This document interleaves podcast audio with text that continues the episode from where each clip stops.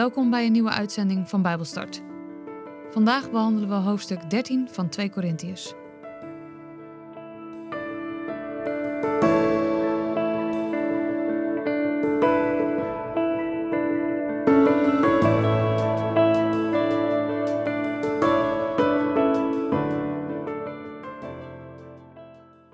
Vandaag lezen we vanuit de Basisbijbel, 2 Korintiërs 13. Ik kom nu voor de derde keer naar jullie toe. En dus is het waar wat ik zeg. Want het is net als in de rechtspraak. Als twee of drie mensen hetzelfde vertellen over iets wat gebeurd is, dan is het waar. Toen ik voor de tweede keer bij jullie was, heb ik mensen gewaarschuwd die nog steeds ongehoorzaam waren aan God. Ook de anderen heb ik gewaarschuwd. En nu ik nog niet bij jullie ben, waarschuw ik hen opnieuw. Als ik terugkom, zal ik hen bestraffen als het nodig is. Jullie zoeken nu eenmaal het bewijs dat Christus door mij spreekt. Ik zal jullie laten zien dat hij niet zwak is, maar sterk is in de manier waarop hij met jullie omgaat. Eerst werd hij als een zwak mens gekruisigd, maar nu leefde hij door de kracht van God. Zo zijn ook wij als mens zwak in hem. Maar voor jullie leven we met hem uit de kracht van God. Ga bij jullie zelf eens na of jullie wel vanuit je geloof leven. Weten jullie wel zeker dat Christus in jullie is? Als hij niet werkelijk in jullie is, worden jullie afgekeurd. Maar ik hoop dat jullie zullen zien dat wij niet afgekeurd zijn. Ja, wij bidden God dat jullie hem nooit ongehoorzaam zullen zijn. Niet omdat dan zal blijken dat wij eerlijk en betrouwbaar zijn, maar omdat jullie dan zullen doorgaan met het goede te doen. Zelfs als het erop zou lijken dat wij zelf afgekeurd zijn. Wij kunnen niet tegen de waarheid strijden, maar alleen voor de waarheid. Want wij zijn blij als jullie sterk zijn, ook als wij zelf zwak zijn. Ik wil zo graag dat jullie helemaal vol van Christus zullen zijn. Daarom schrijf ik jullie deze dingen voordat ik kom. Dan hoef ik niet streng tegen jullie te zijn als ik straks bij jullie ben. Want de Heer heeft mij gezag gegeven om jullie geloof op te bouwen. Ik wil het beslist niet afbreken.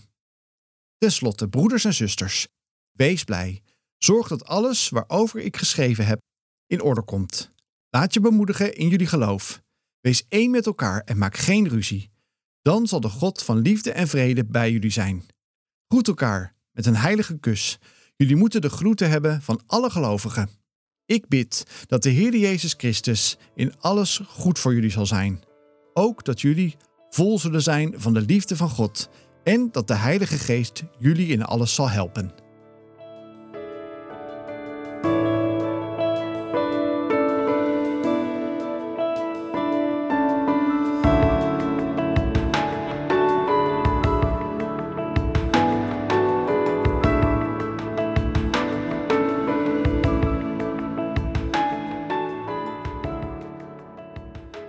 We behandelen vandaag het laatste hoofdstuk van de tweede brief aan de Korintiërs.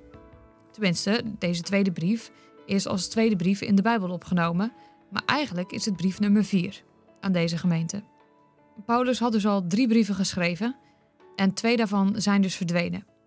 Dit Bijbelboek, dat wij dus als tweede brief naar de Korintiërs kennen, is dus eigenlijk de vierde in de hele reeks. In dit hoofdstuk kondigt Paulus zijn derde bezoek aan aan de Korintiërs.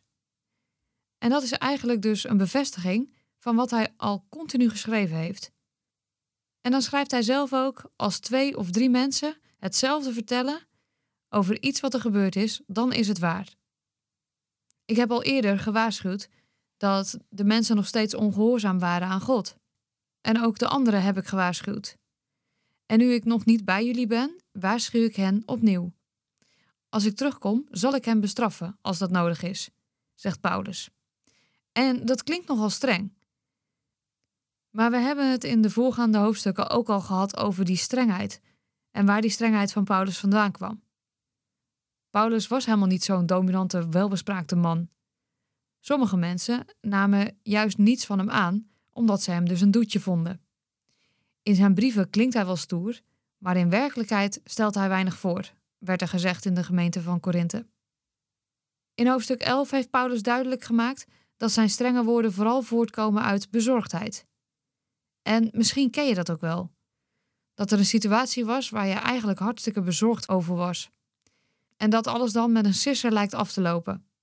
En in plaats van dat je dan opgelucht ademhaalt en blij bent, reageer je juist kribbig of streng. En dan schreeuw je uit: Hoe kon je dat nou doen? Bezorgdheid kan overkomen als streng of bemoeierig. Daarom is het ook goed om te weten in welke context teksten geschreven zijn. Maar toch zegt Paulus hier dat hij mensen zal bestraffen als dat nodig is. Hoe zou hij dat gaan doen? Hij zou de mensen die geen berouw tonen in het openbaar kunnen confronteren met hun gedrag. Hij kon deze mensen ook bij de leiders van de gemeente laten roepen. Hij kon ze zelfs uit de gemeente laten bannen. Dat gebeurde ook met de man in de eerste brief van Korinthe, die met zijn stiefmoeder sliep. Ook hij werd uit de gemeente verbannen. Om, overigens daarna, wel weer liefdevol opgenomen te worden, nadat hij berouw had getoond. Paulus toont zijn kracht door Christus. Want Jezus leek misschien wel een zwak mens door gekruisigd te worden, maar Jezus leeft door de kracht van God. En zo mogen wij als zwak mens toch leven in de kracht van God. En zo, vlak voordat Paulus de gemeente gaat bezoeken, roept hij hen op om na te gaan of zij vanuit geloof leven. Weten jullie wel zeker dat Christus in jullie is? vraagt Paulus. En eigenlijk geldt die vraag ook nog steeds voor jou en mij. Hoe bewust ben jij van de kracht van Jezus in jouw leven? Je zou deze vraag kunnen vergelijken met een APK. Je auto moet, een, moet één keer in het jaar gekeurd worden om zo de veiligheid voor jezelf en je medeweggebruikers te kunnen garanderen. Bij zo'n APK wordt alles gecheckt. Er wordt gekeken waar er verbeterpunten zijn. Er is een mogelijkheid voor een lichamelijke APK. Er zijn mensen die jaarlijks even langs de huisarts gaan om hart en longen en bloeddruk, cholesterol, nou noem maar op te controleren. Persoonlijk ga ik jaarlijks naar de huisarts om al mijn moedervlekken te checken. Ik heb er ontzettend veel en ik heb al diverse onrustige moedervlekken van mijn lijf laten weghalen om te voorkomen dat ze uitgroeien tot iets kwaadaardigs.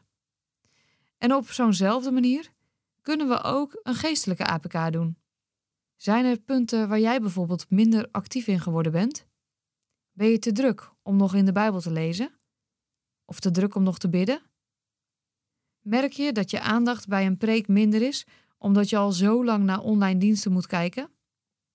Waarschijnlijk komt er vanzelf iets in jouw gedachten als ik vraag: zijn er dingen op geestelijk gebied veranderd?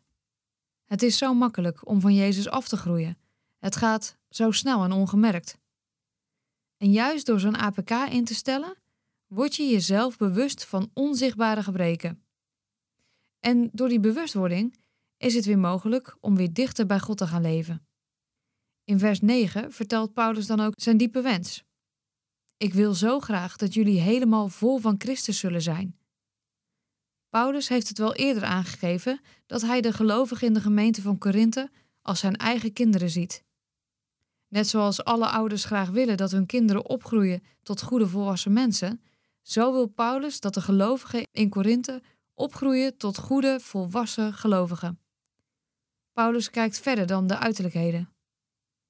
Paulus wil niet dat de gelovigen in de gemeente zich gelovig voor gaan doen of trouw de dienst bezoeken. Nee, Paulus wil dat ze volwassen zijn in hun geloof, dat ze stevig geworteld zijn in Jezus.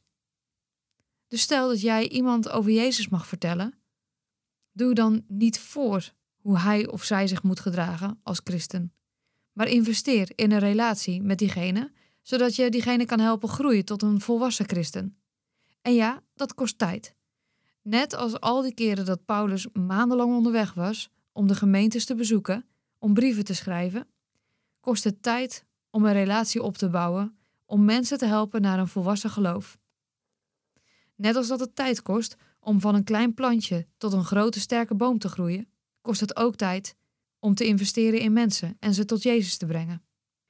Paulus begint zijn afsluiting met: Ten slotte, broeders en zusters, wees blij. Zorg dat alles waarover ik geschreven heb in orde komt. Laat je bemoedigen in jullie geloof. Wees één met elkaar en maak geen ruzie. Dan zal de God van liefde en vrede bij jullie zijn. Groet elkaar met een heilige kus. Jullie moeten de groeten hebben van alle gelovigen. En ook die woorden zijn nog steeds van toepassing op ons. Laat je bemoedigen in je geloof. Zorg voor eenheid en maak geen ruzie. En ruim de verkeerde dingen op uit je gemeente. Ja, het is soms hard werken om problemen op te lossen. Maar de beloning van God, zijn liefde en zijn vrede, zijn zoveel groter dan de problemen waar je tegenaan loopt. Loop niet weg voor problemen die je hebt. Het werkt juist averechts. Pak problemen aan met God. En dan sluit Paulus in vers 13 af met de prachtige woorden: Ik bid dat de Heer Jezus Christus in alles goed voor jullie zal zijn. Ook dat jullie vol zullen zijn van de liefde van God en dat de Heilige Geest jullie in alles zal helpen. En dat bid ik jou ook toe.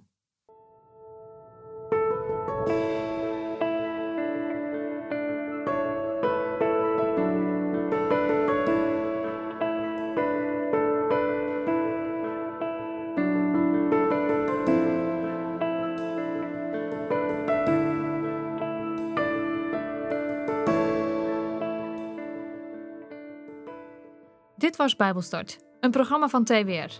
Het is gebaseerd op het Amerikaanse programma Through the Bible, ook wel TTB genoemd. En deze uitzending is een samenvatting van twee afleveringen. Wil je meer weten? Ga dan naar ttb.org of ga naar twr.nl/bijbelstart.